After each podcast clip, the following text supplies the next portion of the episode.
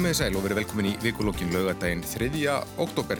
Það er farið að kólna í veðurkortunum en hins vegar farið að hittna í kólunum á alþingin þar sem síðasti þingbetur þessa kjörtímabils hófst í vikunni með stefnuræðu fórsættisáðura.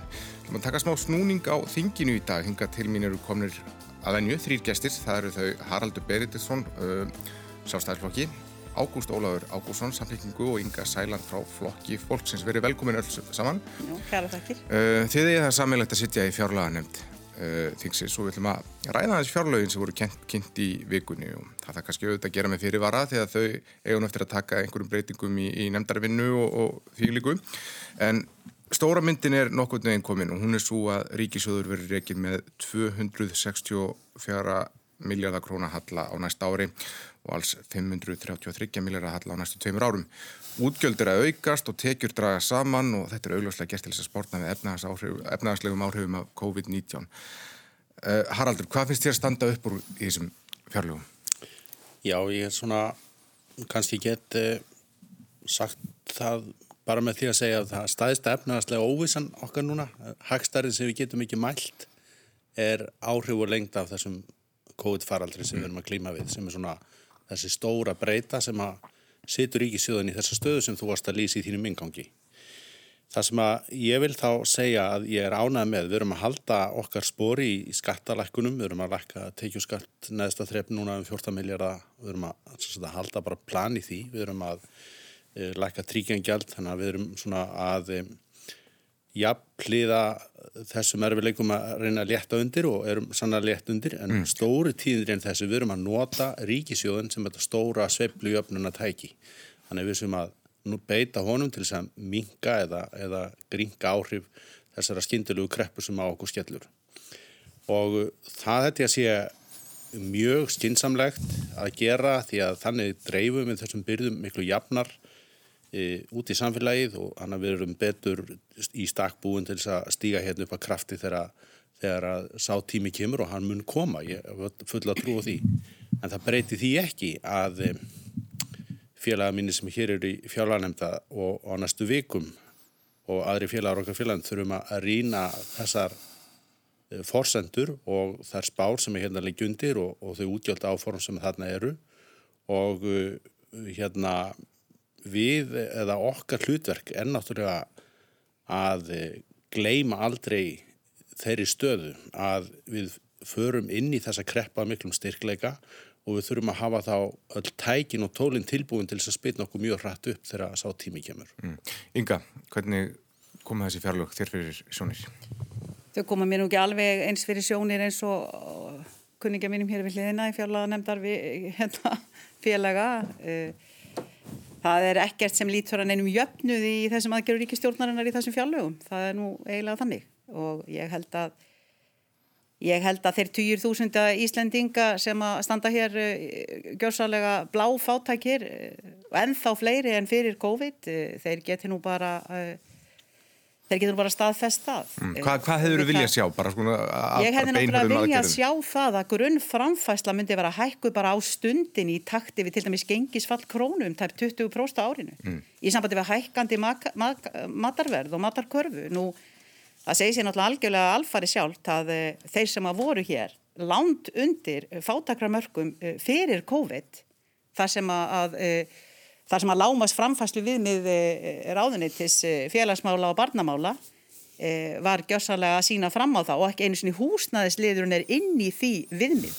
ráðunitisins. Mm. Þeir takk ekki einu sinni dýrasta postin inn í, í framfæslu viðmiði þannig að það er í rauninni enþá fleiri sem að við höfum ekki gripið utanum heldurinn í rauninni kannski tölurnar hjá ráðunitinni er að reyna að draga fram því þeir reyna að gera allt og allt og lítið úr raunverulegum vanda. Og það sem við erum að sjá núna það er að koma í nýjir hópar nýjir hópar, algjörlega óþektir hópar sem er að standa hér í röð við hjálpastofnarnir og byggjum að fólki sem var að missa vinnuna fólki sem enginn grýpur, hér hefur verið fólk sem hefur verið farandverkamenn fólk sem hefur verið greitt hér svörflaun og alls konar. Það hefur ekki verið greitt af þeim til þess að þau aðlöðlist neynréttindi það hefur ekki réttindi á atvillisbótum engu.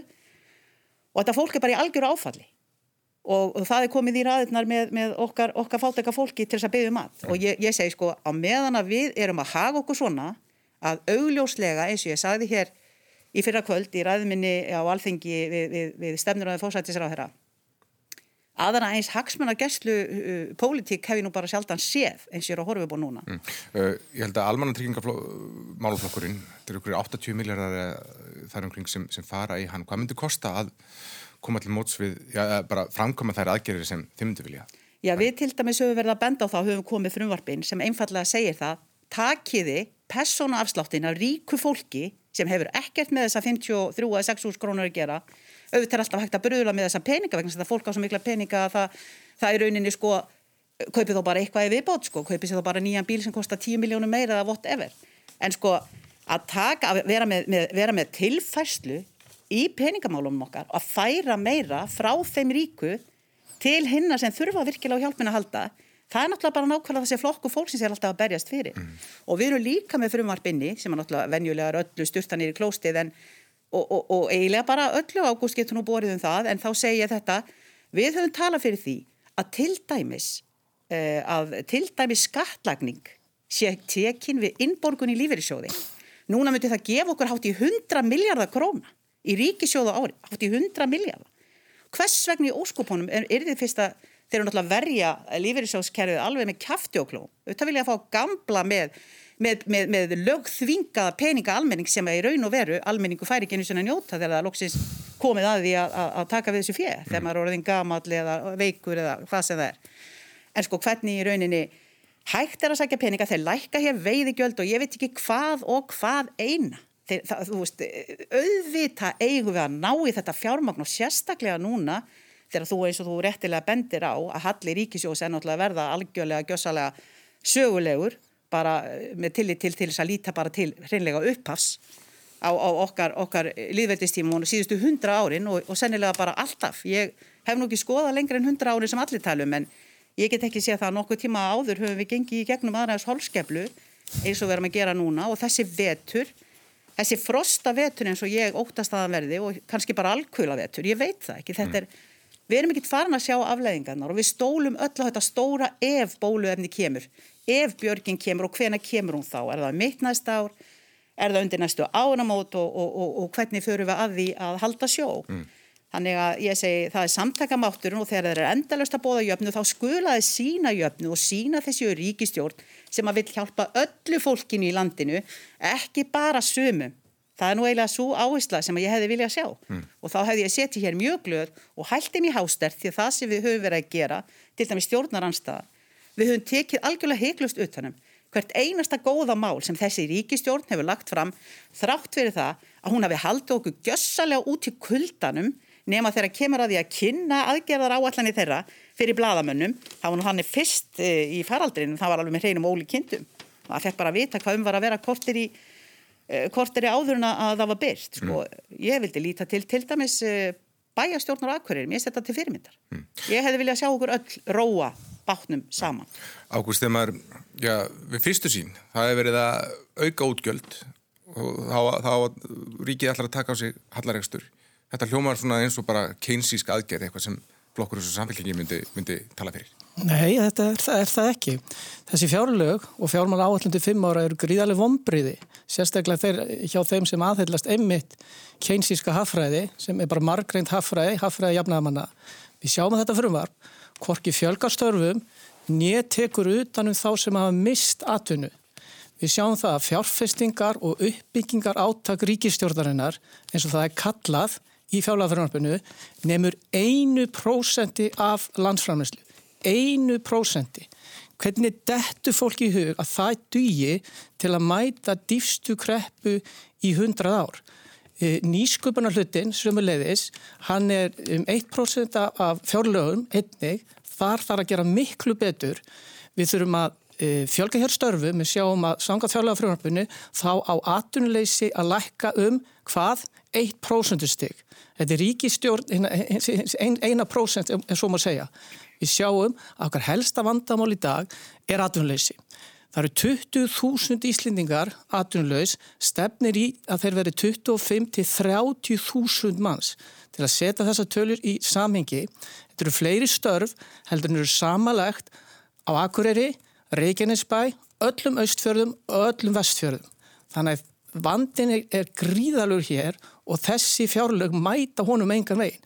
Og svo við lítum á þann hóp sem hefur mistvinnuna. E, Ríkistjórn Katrin Jakobsdóttir er að dæma fólk til að lifa hér á 240 krónum á mánu. Mm. Alveg svo hún er búin að dæma öryrkja og hluta eldri borgara til að lifa á 240 krónum á mánu. Og ég, ég skal fullera það, ekki einasti ráð treystist til að lifa á 240 skall á mánu.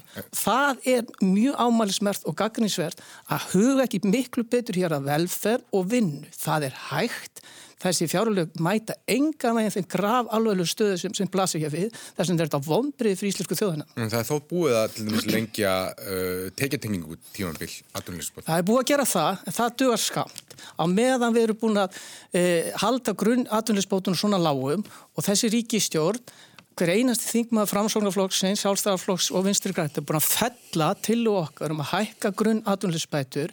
Þetta er bara eins og hægri hugmyndafræði sem þarna stjórnar. E, formaðar sjálfstæðarflokksins telur að með hækkun aðtunusbóta þá drægir þá aðtunum þáttöku.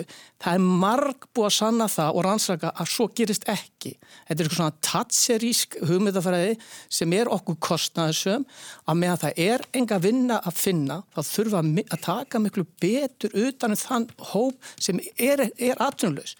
Aðtunlausir ömulegt fyrir viðkomund aðala að sjálfsögðu efnaðarslu högg en það er líka heilbriðsvandi, félagslega vandamál sem fylgja því við eigum að skapa störf og meðan ástandi er svona erfi þá er að taka betur utanum þann hóp sem lendir þessar ömulu aðstöðu að vera, vera atvinnlaus mm. og þessi fjárlög mæta þessum tveimur skilurum ekki. Mm. Það er engin, engin saman sem engin hérna uh, fjölgun starfa og síðan er þessu hópu sem er skilin út af, köldum klaka enn eitt árið mm. og mann er svolítið blöskra það búið að segja þegar ég að gera eitthvað E, árið ári nú bara eitt ár eftir á þessu kjörnumbili og nú bara tíminn einfallega runnin út. Mm. Þessi ríkistöðun er fallin á tíma og við þurfum nýja ríkistöð sem forgásaði þá, þá fólks og fyrirtæki. Það er bara löngu tíman bara. Mm. Uh, Haraldur, atvinna, atvinna, atvinna, sagði Sigur Ringi Jóhansson uh, á þengi á 5. dag. Þetta, uh, hvað eru verið að, hvað, hvað stefnið á að skapa mörgstörf? Sko, ég held að félaga mínu hérna sem að sitja með mér í þessum þætti hafi alveg flutt sína ræður hérna eins og þau eru takt fyrir og, og ég mun flytja mína ræð eins og ég eru takt fyrir en ég held að við ættum kannski bara að taka hérna svolítið aðalatriðið sem að til dæmis yngan efnir og ágústurinn efnir hérna eru þetta dýfsti og mesti samdráttur í hundra ár mm -hmm.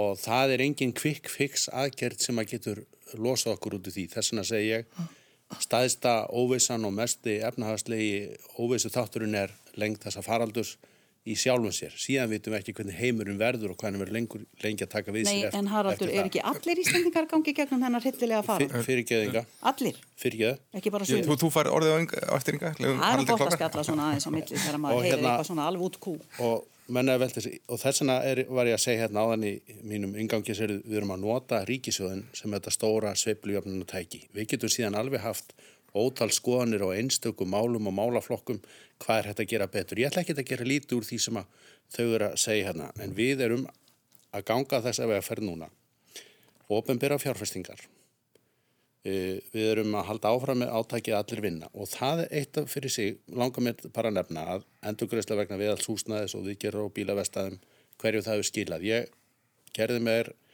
ferðu mitt kjördami núna höstugum til að heimsækja sveitastjórana og þeir sagðu, herðu, við finnum það bara strax að svona þáttur eins og lakkun virðurskatt og frangvandastað er að skila okkur í útsvari inn í sveitafélagið. Þannig að þegar við segjum að við lakka skatta þá eigum við líka þegar Ágúst Ólaður var nefnað hvort að þessi tasmirismi skilaði sér, já hann er alveg að skila sér þegar við erum að fara í þessa aðgerði þá erum við mögulega jafnvel að brekka tekjust á príkisins þó við séum að lakka skatta. En er skynsalegt stóra... að fara í tekju, lakkunum tekjuskatti við þessar aðstæður? Já það er hlut af því sem að, uh, við erum að, að gera til þess að vera hérna lífskjærasamningana, forsendu lífskjærasamningana og allar okkar aðgerðir einfallega miðast við það við sem að halda hér upp í verðmætasköpun því að það er ekkert annað sem getur komið út úr, okkur út úr þessar krepp og nýjáleik heldur en atvinna og verðmætasköpun. Mm. Það er stóra málið og þess vegna sagði formaðu framsvárflóksinn sem að ég leiði mig nú að segja áttinu bara bestu ræðu hérna í umræðum um stemnræðu fórstuðræðra eh, um daginn eh, að atvinna, atvinna, atvinna er er málið sem við þurfum að, að horfa til. Þannig að nýsköpun, uh, stuðningu við framlöð til ofinbæra fjárfestinga og aðra skattalega rækjari til þess að verja störf eru það sem við erum að gera. Mesta böl okkar er atvinnuleysi og 100 miljardar úr ríkisjóði og tveimur árum í atvinnuspætum er, er hérna algjörlega uh, óþólandi að, að þurfa að horfa á til lengri tíma ef að það ekki myndi síðan lengjast út hérna næstu ár. Þannig að ekkert getur hjálpa okkur jafn mikið, jafn mikið eins og búa til fleiri störf og búa til meiri atvinnu. Við getum síðan haft tíu skoðanir eða allavega þrjár hér inn í hvernig á að fara því. Mm. En grundallar þátturinn þetta. En ég vil hins vegar líka bara segja að ég hef uh, líka broti heilan um það uh, hvort að við getum lengur rætt. Heyrðu, þetta var svona fyrir COVID og við munum hafa einhver aðra heimsmynd eftir COVID og þá var allt í lagi er kannski bara teiknast upp svo tími að við verðum með einhverjum hætti að, að taka einfallega miða við sem ekki að losna við veruna. Við þurfum að búa efnahægin, atvinnulífið og mannlífið okkar hérna undir lengri tíma til þess að takast á þetta og huga meira bara ein, okkar einri stóðum og einri verðmæta. Sko. En getur, geta fulltrúar ríkistofnarinnar hrópa slagar og eins og atvinna, atvinna, atvinna ef það er stemt að atvinnuleysi lækum ekki meira en 1% eins og, og ágústíðir? Ég segi sko, kannski þriðasinn, uh, áhrif faraldansins er í mínum huga langstæðist að breytan í þessum efnum, hversu rætt við komum áfram með að fakka aðunlösum uh, og uh, það hefur okkar, alltaf verið okkar vonað við séum að sjá fljóðlega fyrir endan á þessu ástandi til dæmis að ferðarþjónustan geti farið að, að hérna, blómstrefunni í leik eða, eða ná vopnum sínum nýja leik. Sko, stóra myndin er bara þessi sem ég reyna að sína, segja. Við erum að nota fjárlögin, fjármál áalluna sem þetta stóra sveiplujöfnuna tæki. Það sem að mig svíður og alla svíður undan er atunleysi mm -hmm. og það er stóra verkefnið. Hvernig ætlum við að koma okkur upp úr því Það ættu miklu frekar að ræða. En, en próstætti lítur líka að vera á velferðaríkið. Hversu vel eru við í stakkbúin til þess að grýpa þá sem, sem þetta? Ég vil þá minna á það að fjálagafrúarpið núna er að verja þá stöðu þá útgjald á aukningu sem að fari til þessara málaflokka eins og til dæmis velferð og heilbriðismála og til mentamála í fjárlagafrjóðarpinu er, er ekki að aðhald, er engin samdráttur á þeim útgjöldum. Mm. Það er endur ekki rétt. Það, það, það er, að, er aðhaldskrafa. Það er það sem við erum að gera. Við erum ekki að draga tilbaka þá eblingu sem við höfum lagt til þessara kjærafönda ára. En þurfa aðdunlega betur ekki ekki? Við nefndum, það var nefnt hérna áðan, við höfum lengt í teikjutengtum aðlunarspótum. Ég held að e, grunn aðlunuleysi spætur sé kannski ekki það fyrsta sem við grípum til til þess að hækka á þessari stundu. Það hangir líka meira á því sem að við verðum þá að gera okkur grein fyrir að við þurfum þá að fylgja eftir. En í þessari stöðu held ég að þetta sé hinn rétta aðgerð. Inga, um, það sem Haraldur kemur inn á að þannig að verður að halda einhvern veginn í atvinnustíði eins og við getum. Uh, Það er engin að mæla því mót. Svo sannarlega verðum við að halda í atvinnustíði svo sannarlega verðum við að leggja okkur fram um það því án atvinnu uh, og án þessa hjól efnaðarslífsins snúist þá væri nú hvað sem er ekkert velferðarkerfi, heilblíðiskerfi eða yfir höfu nokkurt annað kerfi en að tala um eins og bestu ræðuna atvinna, atvinna, atvinna, ég er bara aldrei heilt annað en spulla á æfi minni að þessu leiti til. Þeir eru ekki að leggja neina áherslu atvinna, atvinna, atvinna fyrir utan það að hér eru um hvað, allir sé ekki um 64.000 Íslendingar sem að framflytta sér hér sem eru ekki á atvinnumarkaði. Mm. 20.000 öryrkjar sem eru ekki á atvinnumarkaði og það verða að tala um það að ég hækka hjá þeim einhver, einhverja framfæslum áramótin. Það er ósatt líka. Það er ekki verið að hækka framfæslu öryrkja og almannatrygginga þegar um áramótin heldur er vísitölu hinn árlega vísitölu leðrætning sem æfilega kemur 1. janúar árkvært hún er aftur að kikka inn, það er 3,6%. Bara haldi horfinu. Og, og þessi 3,6% eru svo langt, langt frá því að vega upp brotabrót á móti falli krónu og hækkandi matarkörfu og það er alveg með hreinum ólíkjendum eins og er erfitt líka að, að greiða af húsnæði hvort heldur sem að, að þessir aðilar hafa verið svo langsamir að geta eignast eigið húsnæði að, að þá, þá verður algjörlega komnir á nákvæmlega sama staðinum að hugsalega séu þau að missa húsnæði vegna þess að við erum að horfa hér á á verðbólgudraugin hinn með yfir hodni og það er engin að gera neitt í því. Við, við sko, ég, ég held nú kannski að miða við það að, að við, við erum búin að sko ekki svo löng, fyrir löngu síðan að gangi gegnum hörmungar efnaðsfrun hér 2008 sem hafiði alveg ómældar viðtakar afleðinga fyrir stóran hluta uh, landsmanna og í rauninni enn. Enn eru margir í sárum eftir það hrun þegar það er að takast á við þetta. Mm. að skul ekki vera síndur sómi í því að afnema til dæmis verðtrygging á neytendalánum og koma þá miskosti veg fyrir það að sé mögulegt að, að, að verðbólgu draugurinn geti getið upp íbúðalán fólksins og hreinlega komið þeim aftur út á göttu. Það verður nú að segjast eins og er að það var nú svo sem í bóði bóði vinstri velferðarstjórnarana sem að vatlaði nú aldeilis að, að mynda hérna mynda skjaldborg um heimilinn eftir efnaðarsrunni sem í rauninni kom skjaldborg utanum heimilinn í landinu og skjaldborg utanum uh, uh, peningaöflin nákvæmlega það sem er að horfa upp á hér og nú. Það virðist ekki neinu máli skipta hvort það er vinstri hægri upp eða niður sem situr þarna í, í, í ráþærastólunum á austuvelli það er einhvern veginn, ég veit ekki hvað gerist þegar þessir einstaklingar þurfa að takast á við svona erfið, er, erfið uh, sko, verkefni.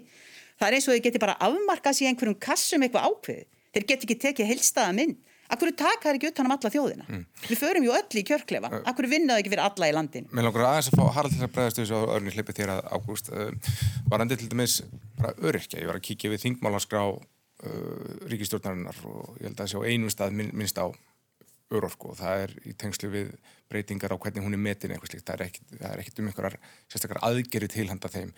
Uh, við sjáum bara að þeir hafa setið eftir í tekjum undanfjöldum árum og bara ef um, frítekjumark atvinnutekna hefði fyllt, fyllt, fyllt verðlagsþróun þá væri hún 150 skonur en ekki 109 skonur. Hvað ætlaði að gera fyrir, fyrir þennan hóp? Ekkert. E, ef að ég má svara þessu ynga leiði mér sko. Já, já, ég var Svo, bara aðeins að hósta. Við, við höfum Við höfum undanförtum árum haft mikið áhuga að fara í ákvæmna kjærisbreytingar í þessum málflokki. Við höfum því miður ekki ná samstöðum það. Við höfum á þessu kjörtíðanbilið varið hilmiklum fjármönum til málaflokksins til þess að vinna þeim. Eh, það hafa bara því miður ekki eins og allar allir þeir fjármönir verið notaðir til þess, að, eh, til þess að koma þeim í vinnu. Þannig við, við höfum sjálf sér alveg eh, við erum ekki að þræta fyrir þessa stöðu með þessum hætti en ég vil líka þá minna á að hlutar fjárlega frumsins núna og, og fjármálastefnunar og þeirra aðgerðast við erum að grípi er að verja hér kaupmáttu landinu. Mm. Kaupmáttu þessa fólks hefur hækkað gífurlega mikið á undanförðum árum. Er það nóg?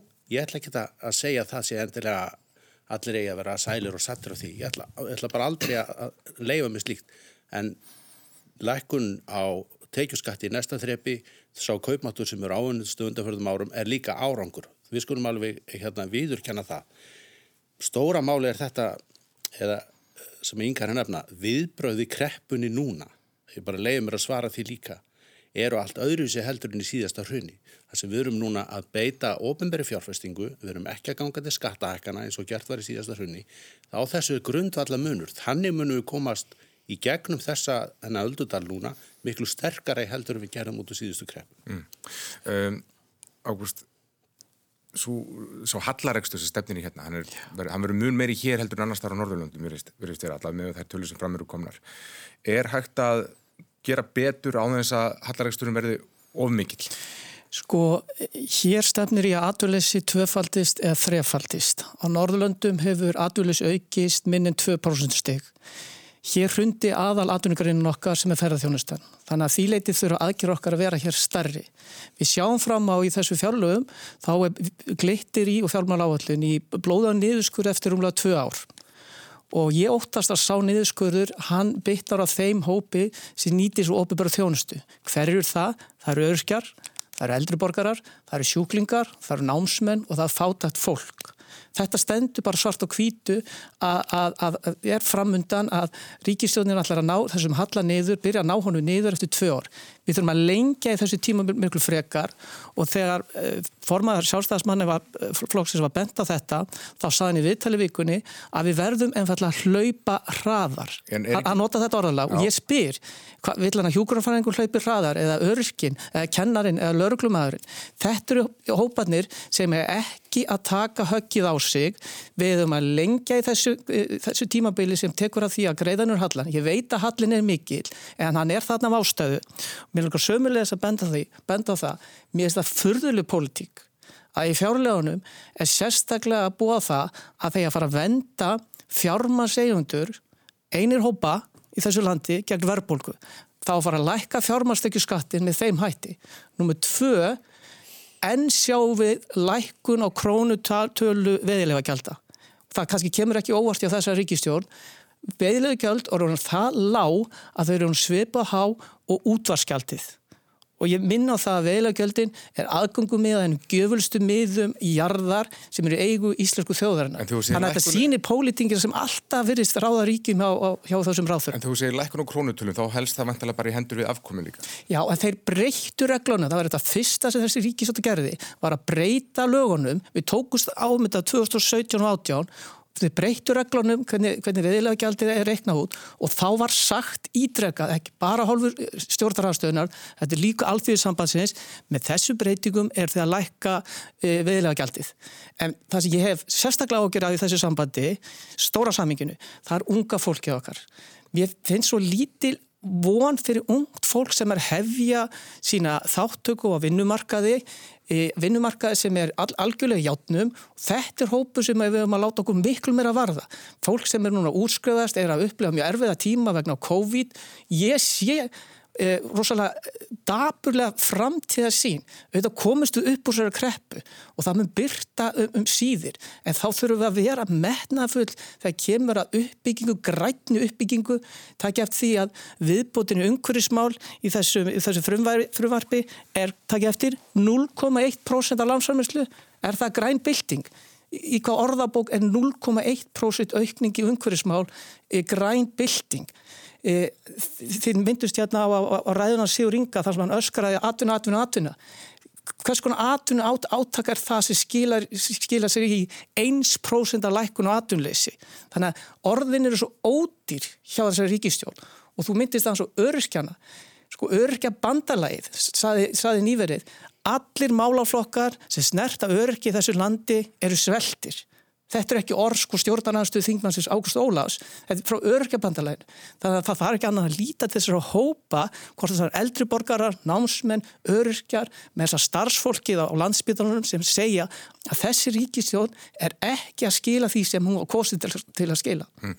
Um, ef þið voruð að koma að viðtækjanum þá er það að hlusta á vikulokkin gæsti mínir eru Inga Sæland, Haraldur Benedikt, Benediktsson og Ágúst Ólafur Ágússon.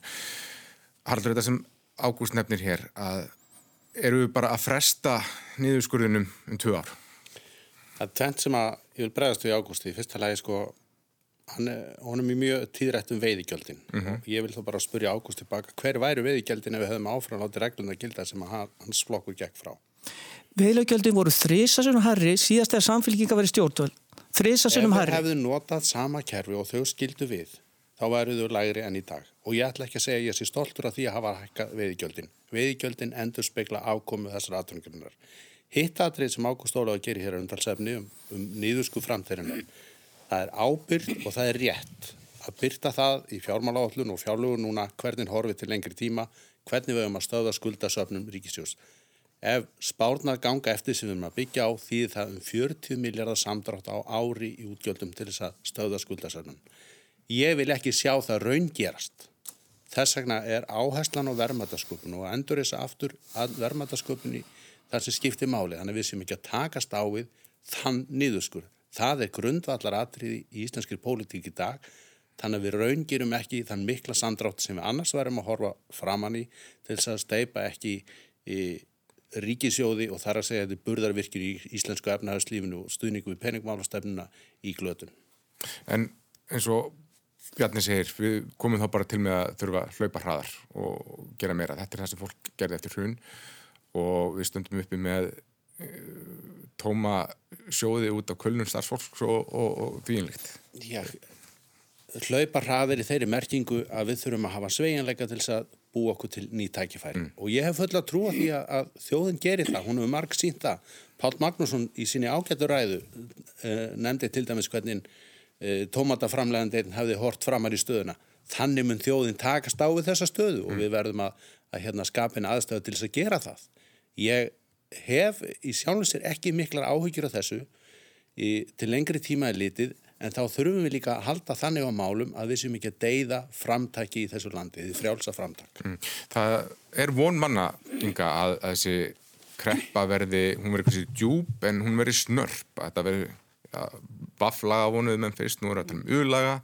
Uh, hefur þú trú á því að þetta gangi hrætt yfir og... Já, má ég berðast aðeins við hennu hérna áðan sem að mér þútti verulega aðteglivert áður við förum í U eða vaff, kannski UHF, en hérna það er þegar ágættur Haraldur Benediktsson talar um hérna miklu kaupmáttar aukningu sem orðið hefur einmitt hjá uh, hérna almannatrygginga þegar. Mm -hmm. Ég veit bara ekki í hvaða, í, í hvaða lífi eða landi eða á hvaða stað í veröldinni sjálfstæðismenn eru sem eru búin að söngla þetta og hæstuttu fjálmálar á þeirra gerir ekki annað. Staðrindin er svo að kjara gliðnun hjá þessum hópi er búin að vera tæp 30% frá hrunni efnaðsrunnu. Staðrindin er svo að þetta var eini hópurinn sem var skilin eftir og fekk enga leðrættingu nánast, enga leðrættingu sinna afkomu nema þarna í fyrsta janúar minnum í 2017 frekar hann áttján. Það sem að fekk einhverjar, einhverjar krónur en að halda því fram að hafi orðið kaupmáttaraukning þegar kjaragliðnun er tæpt 30% þegar gengisfall krónu er og hækkun matakörfu, mér þætti gaman að sjá hvaða hagfræði snillingur er að rekna dæmi fyrir sjálfstæðisflokkin. Ég segi nú bara ekki annað en það, því þetta er gjásalega kólröngniðustada og það er annað sem ég langar að nefna. Hér talar Haraldur líka um það að veiðilega gjöldin séu tengt afkomu. Er það þess vegna sem að veiðilega gjöldin hafa lækkað svona rosalega í, í, í takti við það aftur og móti að arðgreyslu hafa sjálf að veri meir út úr greininni heldur nákvæmlega í fyrra? Og ebitan kom mjög vel út í fyrra. Er það þess vegna sem er verið að lækka veiðilega gjöldin? Og tengja það við afkomu. Þetta er bara ránt. Þetta er bara all ránt. Það er bara hagsmann að gæsla hér, nummer 1, nummer 2, nummer 3 og það er það sem við erum að horfa upp á. Mm, en hvað hva segja bara tölutun okkar? Ég menn það hefur dreigju sárafátakt ekki sett á, á undarfættum árum. Hún hefur bara hreinlega vaksið. Sárafátakt hefur vaksið og það sína okkur tölur sem er að koma frá maðurastyrstnemnd, fjölskylduhjálp, hjálpastofnum kirkuna, hjálpbræðisernum og öllum þeim stöðum þar sem á hundruði manna, eins og til dæmis í síðustu viku, þá voru það 600 ríflega fjölskyldur sem voru að leita til fjölskylduhjálpar. Þetta er rillilegt á suðunisum. Það þá í beinu framhaldi af, af, af COVID þá?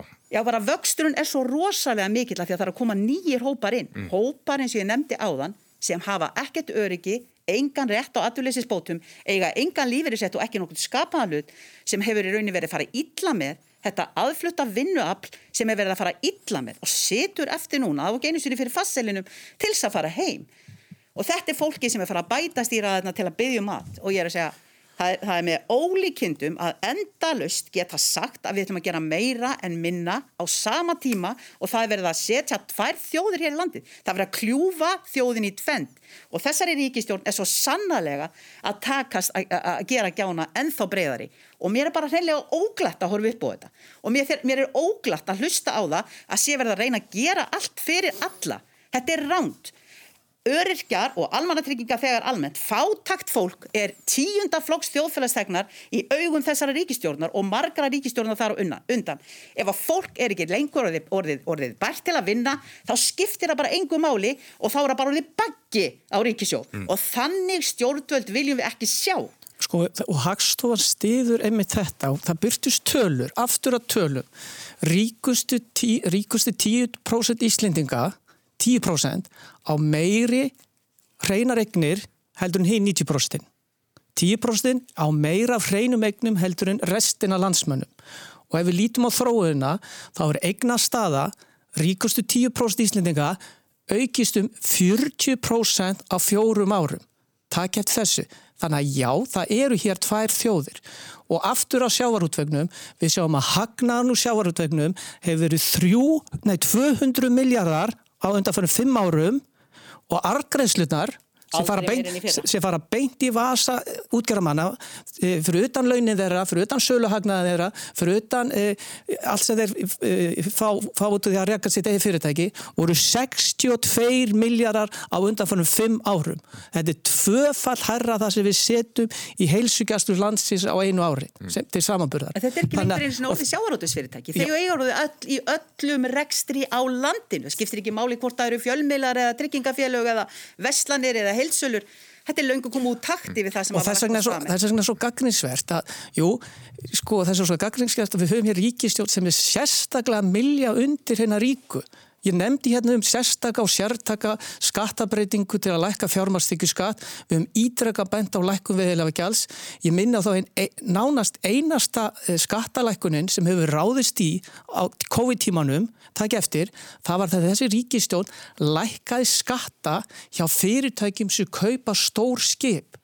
Ég er ekki að grínast. Þetta er skattalækkun sem þeir reyðu sérstaklega í núni í vor.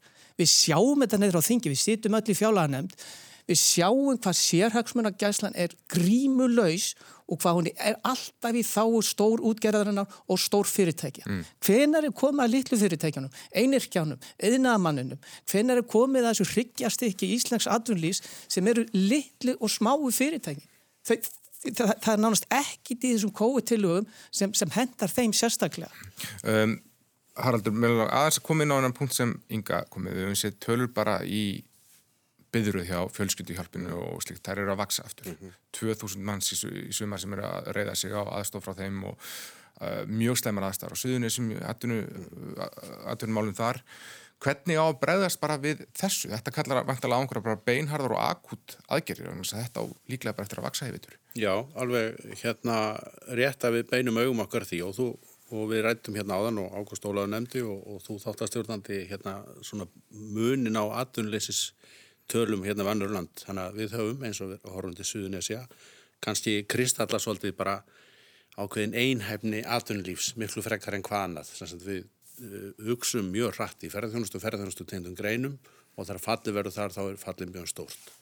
Þannig að, að það sem að við þurfum náttúrulega og hverjum tíma miklu fjölbreyttara aðtunlífi sem, það er frasinum það við sem ekki með öll ekkinni sem við körfum. Ísland 2.0 eins og Bjarni Ben. Já, Ísland, Ísland 2.0 og, og það er við bara, að því þú nefnið 2.0, það sem við erum náttúrulega líka að reyna að leiða fram í fjálagafrjónarfinn núna er að bæta aðgengi í ofnbæra þjónustu, reyna að komast á annað þjónustu stig, mm -hmm. þannig að við sem að innleiða hérna nýjar lausnir. Ég bara alltaf segja að þessi umræða sem er hérna fyrir fram um útgerð, útgerða fyrirtæki, mér, mér finnst hún sár, því að mér finnst vera að ráðast á uh, þennan atunuveg með þessum hætti ekki vera bóðlegt í, í umræði hér á landi. Ég fer um mitt kjördæmi, ég sé uh, burðin sem að lítil, uh, stór og meðalstór sjáuröldsfyrirtæki eru fyrir þessa byggðir ég veit alveg hvað það þýðir fyrir þessi fyrirtæki ef við erum að ganga harðar fram í skatteindum Það er enginn tala um þau fyrirtæki. Ég veit hvað það þýtti þegar við fórum í þessa kerfsbreytingu núna fyrir þessi fyrirtæki hvernig það leisti út uppbyggingakraftin og nýjanleik það er verðmætasköpun sem við erum að halda í. Það eru líka fleiri þættir í, í fjárlagafrjónarpunum sem við erum að, að hérna meðum ekki gleyma, það er eh, allar þessar ofinbæri fjárfestingar, verðmæta fjárfestingar, við erum að stíga hérna skref til þess að bæta úr einu óriðatlæti sem að hefur viðgengist allt og lengi að jafna flutniskostaður ramagni til dreifður að byggða.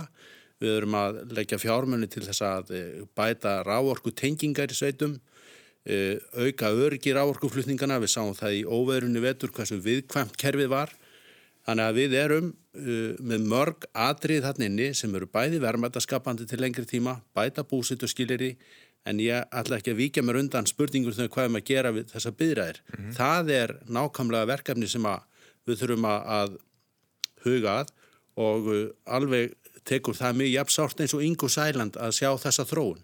En þá komum við líka að til dæmis fjárhags sveitafélaga og hvernig þau eru í stakkbúin til þess að takast á við þessu niðursveiflu Það er mjög samtinnað í ofnbjörnum fjármálum og uh, þá rekum við líka aftur á því hvernig koma sveitafélagin undirbúin inn í þessa kreppu.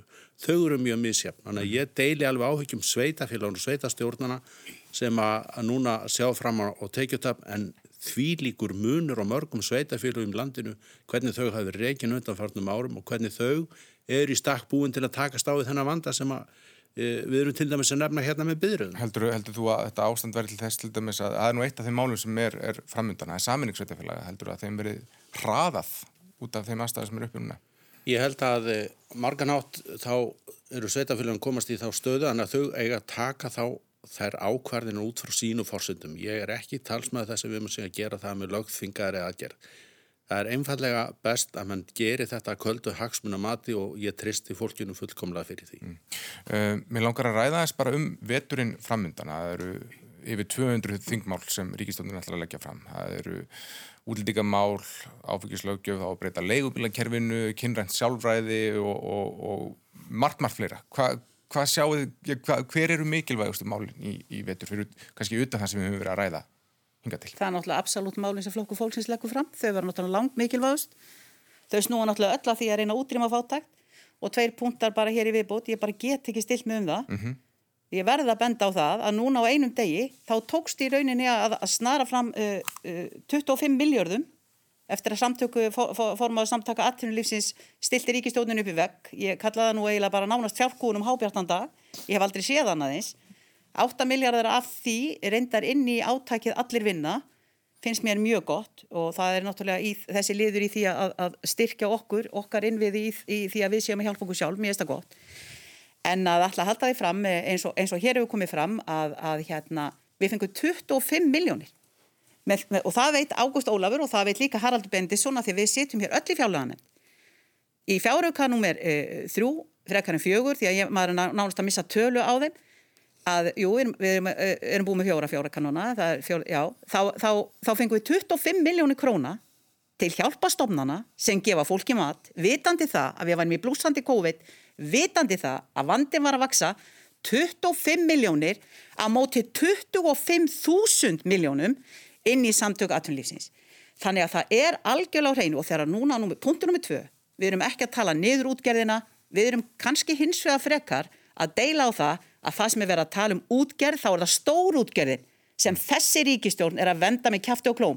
Smá útgerðin er svo sannaðist í sumar, þeir slengdu á grásleipu kallana, þeir voru í blúsandi veiði, þeir slengdu á, á smábátana, það sem á voru um 600 störf hérna í litlum byggðalögum, ringin í kringum landið, slengdu á þá í miðjan, eh, bara, bara sko, og þeir óskuðu eftir að veiða út september. Ég er að segja, sko, Hvernig í rauninni þessi ríkistjórn ítrekka slengir hreinlega hurðinni beint á andlitið á þeim sem er að reyna að hjálpa sér sjálfur. Fólk er að reyna að berga sér og af hverju leifir þessi ríkistjórn fólki ekki að berga sér? Þá tekur fólki að vinna á þess að skerða það svo að það get ekki unni. Veist, þetta, þetta er en málinn sem við erum að koma með. Við komum með mál og við munum koma aftur með mál hér inn í vetur sem er að tala um lámas framfæstu skatt og skerðingalöst. Þessi ríkistjórn fellir allt, það skiptir ekki máli þó að lámas framfæslan, hún sé jáfnvel, það sem krafa sem við erum að gera, sé jáfnvel undir framfæslu við með ráðuneytis eh, sem ekki einu sinni tekur húsnæðisliðin með inn í breytuna.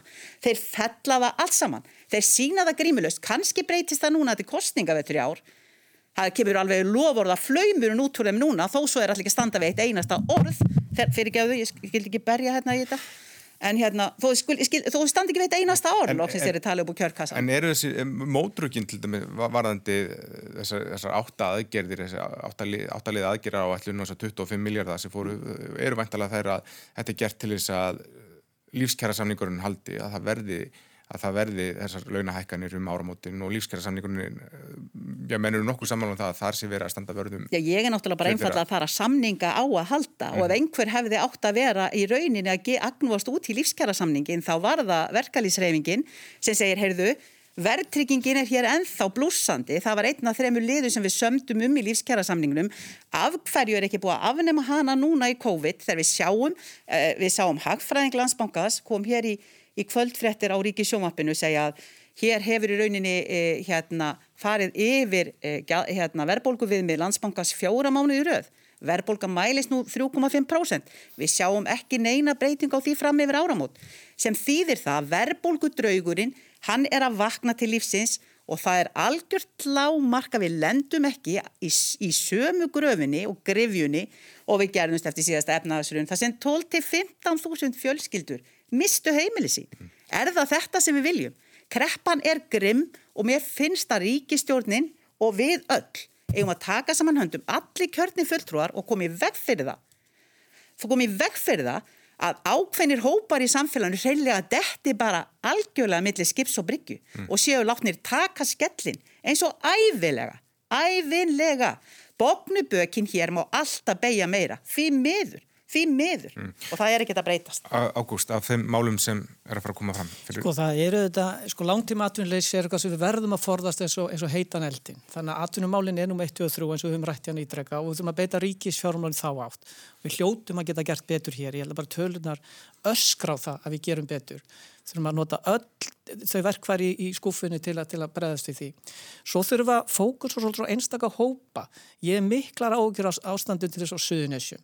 Ég er miklar ágjur á listafólkinu okkar, unga fólkinu sem ég gatum á þann. Það er fátaka fólki. Þannig að við þurfum að vera svona svolítið sértæki okkar nálgun þegar kemur að, að, að ákverðum okkar sem við tökum einn á alþingi. Við þurfum að gefa fólki svolítið von, við þurfum að fara að taka grænskref, við þurfum að fara að sjá fram á hvers konar samfélag við, við, við sjá eftir 5 ár, 15, jáfnveg 50. Við þurfum að taka e, spennandi skref umfánsmikil sem, sem gefa fólki svolítið von í brjósti. Mm. Ísland er ríkt land, við erum hérna 360.000 sálir, við getum unnið miklu meira saman, við þurfum ekki alltaf að vera að rífast hérna um keisarnas skegg og fara í á pólitíska skotgrafir, snúum bökum saman, hægri, vinstri, miðja, mér er alveg sama hvað að kallast, ég ætla að þjóði sér að kalla eftir því að við vinnum betur saman, þá þarf auðvitað stjórnin að hleypa okkur að, 47% af þjóðinni kausn og stjórnar anstöðinni og það þarf að hleypa fleiri hópum að, félag eldriborgar og örkjabandalag, félag eh, samtug sjúklinga og námsmanna fyrr að ákvarðantökunni. Eh, eins og ég segi, það fæðist íbúafjöldi í Íslands á hverjum einsta degi í heiminum. Hugsaðu ykkur það. Við þurfum ekki að vera að rífa svona mikið. Mm. Sérstaklega þegar við erum að gefa svona mikið á sérstaklega þegar við erum að kljást við hundra ára eh, hérna, djúpa kreppu, sem, sem orðið, orðið segja. Þannig ég er að kalla eftir meiri samstöðu, þá verða líka ákvæðinu bara betri og það verður meiri sátt um það og ég var nú á, á vettváki í bankarunni þá var miklu meira samtal við stjórnarhanstöðuna, það voru fullt af mistökum gerð þá að sjálfsögðu. En ég, ákall stjórnarhanstöðu þetta er ekki bara orði lofti, út, út í loftið. Hleyp okkur fyrr að vinnum betur saman, hleypi þjóðin að. Eins og ég segi, það, það, við höfum ótrúlega mikið magna ölluð mannauði, hvort sem það er í nýsköpunageiranum eða velferðaðinnaðinum eða velferðakerfinu og svo framvegis menningunni, listum, fáum fleira fólk að borðinu. En við sjáum að sko, einstaklega stjórnaþingmenn eru með þessi myrkri, við sjáum þetta alveg nýra á þingi, þetta er ákvæðin eru tekna fyrst og fremst af einum ráðar upp í einu ráðu neyti og það er fjármálalandinu við þurfum að komast upp úr þessu því þetta er ekki góð pólitík og þetta er ekki góð hugmyndafræði mm. Er þetta rétt, Haraldur? Er, er, er bara öllu ráðið á ofan og, og hefur þingið allt og lítið um þetta að segja? Ég er bara minna á það að við erum að svona á síðasta ári kjörtímabil sem við verum að gera mjög merkjulega pólitíska tilhjónu í Íslandi mm. þar sem við verum að vinna með svona anstæða póla í pólitík og það var ekki ástæðalösu sem myndið um þessa stjórn, það var órói, það var það var eh, erfitt að koma saman starfandi meiri hluta á sínu tíma. Menna, ég var þarna líka þá. Ég man eftir ríkistjórnarsamstarfinu 2016 og, og öllum átökunum í kringu það. Það er mjög merkileg tilrun hún er tilrun um það að bræða saman ólíka hugmyndafræð og ólíka stefnur. Er það endilega það besta til lengri tíma? Ég veit það ekki ég held að umræðinni vetur og pólitíkinni vetur munir svolítið kristalla það en þetta hefur gengið vel, eh, það er ágætt samstarfin í stjórnini og það er ekkit allir stjórnaþingmenn í myrkrinu nema síður sé. Eh, mörguleiti af þeim mörguleiti af þeim sko ríkistjórnuna samstarfi sem ég þekkt frá 2013 þá vil ég segja ég er mjög ánæðið með fórustu fórsætsráðra og samtali við stjórnaþingmenn í þessu stjórnarsamstarfi heldur en ofta áður en eh, auðvitað erum við í pólitík og auðvitað erum við að takast á um hugmyndafræði og það er nákvæmlega þetta verkefni sem við erum að horfa framann í sem er búða til dæmis í fjármálaállinni hvernig við ætlum að stöða skuldarsöfnun og hvernig við ætlum að taka stáðu breytani veruleika. Mm. Það verður stóra umræðin í vetur. Mm.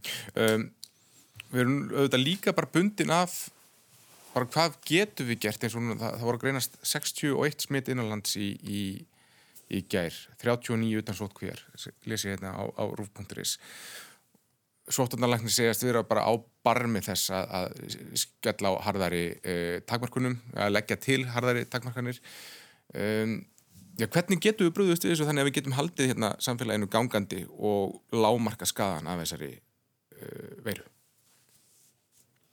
Já, það, þetta, eru, þetta er mikil vombriði og hérna við gripum hérna fyrir ekkert löngu síðan til harðara aðgjara hérna á landamærum að því við ætlum að, að taka þar eiginlega výlínuna og mm -hmm. til þess að við getum haft svona aðeins losara eða frjálsara samfélagi hérna innanlands í okkur við erum að sjá það uh, ég má ekki segja það að það sé svona mistakast mm -hmm. í fjöldi þessar smita staðfesti það erum við svona kærlaus bara hvert og eitt er það, Er það því að ég er Halló? ekki, með- ég er ekki með grímu, grímu. en Inga setur með hérna með grímu.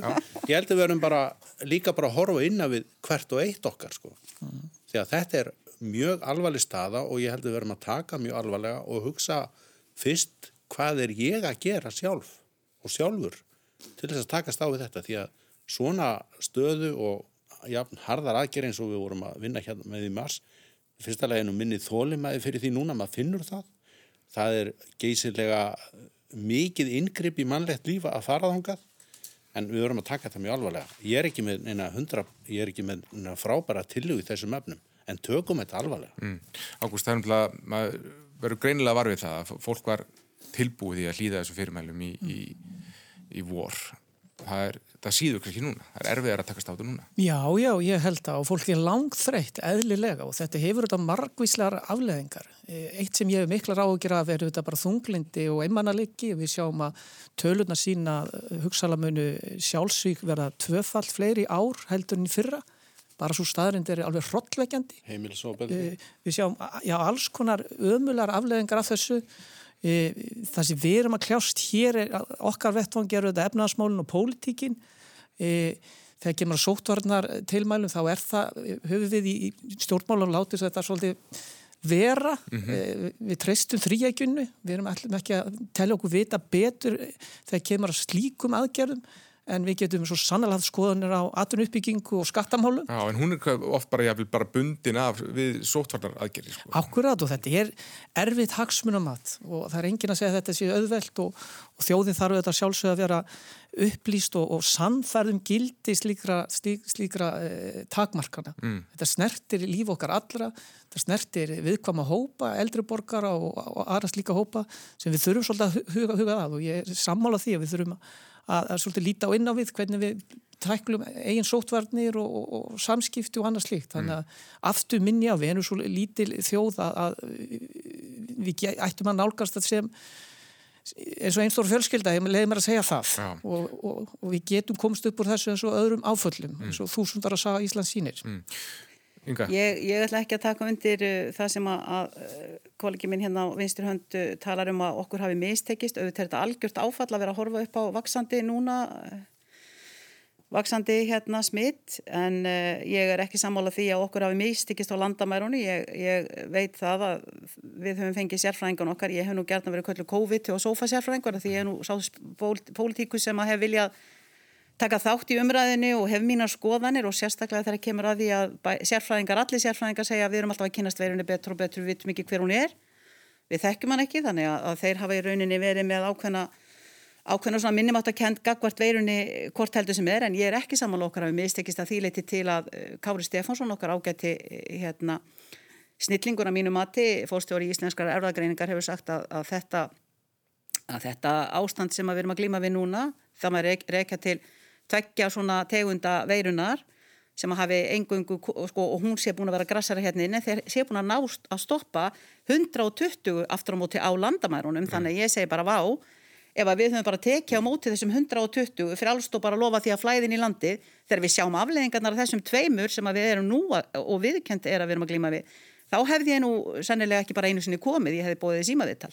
En ég er að segja sko, Við erum öll almannavarnir og það er líka eins og við, við höfum viljað hlýða víði og allt í lagi með það en mér hefur fundist ákveðin mótsögn og, og, og svona ekki góð skilabóð oft á tíðum til okkar, mér finnst það hafa verið svona mótsagna kendar eh, og kannski ekki nógu samhæðar stundum, til dæmis eins og sóttarnalagn hefur gerna sagt að gríman, jú, við getum bara ráðið því hvort þið séum með grímu og gríma sé kannski falst öryggi á hana slíkt á meðan fórstjóri landsbítanlega segir hér er engin nema með grímu. Og alþjóða heilbriðismálastofnunni segir við teljum það og sjáum það alltaf betur og betur að grímunar er að virka. Og þannig ég er að segja sko við verðum náttúrulega að passa okkur sjálf og nú segir við þér hvernig ríki, hvernig viljum við hafa okkar samfélag, viljum við hafa laurugluríkir hér, hvernig getum við komið í veg fyrir það að sóttvarnareglunar okkar séu ekki alltaf brotnar og við séum að sjá svona sko óþægilega að við koma upp eins og til dæmis í gerkvaldi og eins og bara um daginn tveir ferðamenn og sagt það um 250 krónur og slíkt, viljum við lögregluríki hvað þetta varðar, ég segi hvað þetta varðar já Ég myndi ekki hika við að fylgja betur eftir þeim sem er að koma inn í landið og eiga að hlýða reglunum,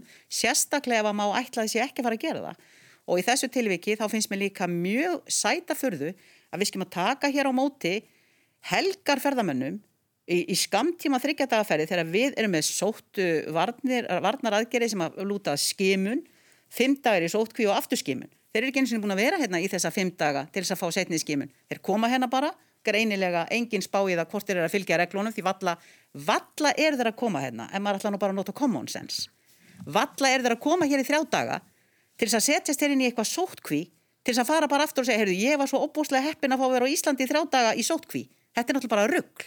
Auðvitað hefum við að koma í veg fyrir það að svona laga sé að gerast. Þessi veira var flutt inn. Mm. Það er bara staðurinn, 15. júni síðast. Þú, þú vilt bara, viltu harðar aðgerri núna? Auðvitað vil ég harðari aðgerri. Þetta gengur ekki svona og sóttvarnarlagnir hefur búin að hérna, virkilega glæðja mig með því. Hann er búin að segja hann er tilbúin með pappirinn. Mm -hmm. Við erum öll að vona að þetta væri að ganga niður. Kanski er þetta einstakt. Við getum ekki alhæft um það að þessi dagur í dag hafi ekki bara akkurat uh, verið sérstakur og morgun kannski verði ennþá betri dagur og við sjáum kannski bara 25, við skulum bara vona það en, en já, við verðum að stíga fast niður, við getum ekki verið að taka sensa hér og ég spyr, hver er hver, hvað er réttalætalegt að fórna kostnæðunum kosti gafka þessu? Hva, hva, hvað metum við hvert mannslíf í krónum og öðrum hér, mm. ég bara spyr. Mm. það, eitt en stjórnvöldum ber skilda til þess að taka ákvarðanir, líka erfiðar ákvarðanir. Stjórnvöld eiga að standa með þjóðinni sinni hvað sem eru erfiðar ákvæðanir eða hvaða ákvæðanir sem er. Mm. ekki að henda því til dæmis bara og, og ef eitthvað illa fer þá munum allir kenna sóttvætnalæknum það er ríkistjórnin sem ber alla ábyrg hér og sóttvætnalæknir hérna gefið þeim góður á Já, við skulum gera það að loka orðum í þessum umræðum örstuðt í lokin, hvað ætlaði að gera um helgina? Haraldur? Herðu, ég er að láta skiptum þak á, á hlöðinu minni og ég þarf að taka til og, og hérna að setja aftur upp í reytingar í fjósinu Jæja, Ágúst? Ég bý svo vel að því að dóttir mín vinnur í Ísbúð og þá ég með gott aðgengja miklu magna ís á góðu afslætti. Ég þarf kannski að gefa það upp í hagsmunnarskrá, ég veit ekki. Þannig ég ætla að fá mér ís. Þú Inga? Hefði ég ætla bara að vera heima og, og taka til og nota tækifær og lesa, lesa fjárlögin sko. Mér skilst að, að það sé nú ansi, ansi drjúur pistil sem við um eftir að fara í gegnum þar sem að getur nú aldrei srýfist á mánudagin. Kæra ekki fyrir komuna Inga Sæland, Haraldur Benditsson og Ágúst Ólafur Ágússon. Hafið það gott um helgina. Kæra. Takk.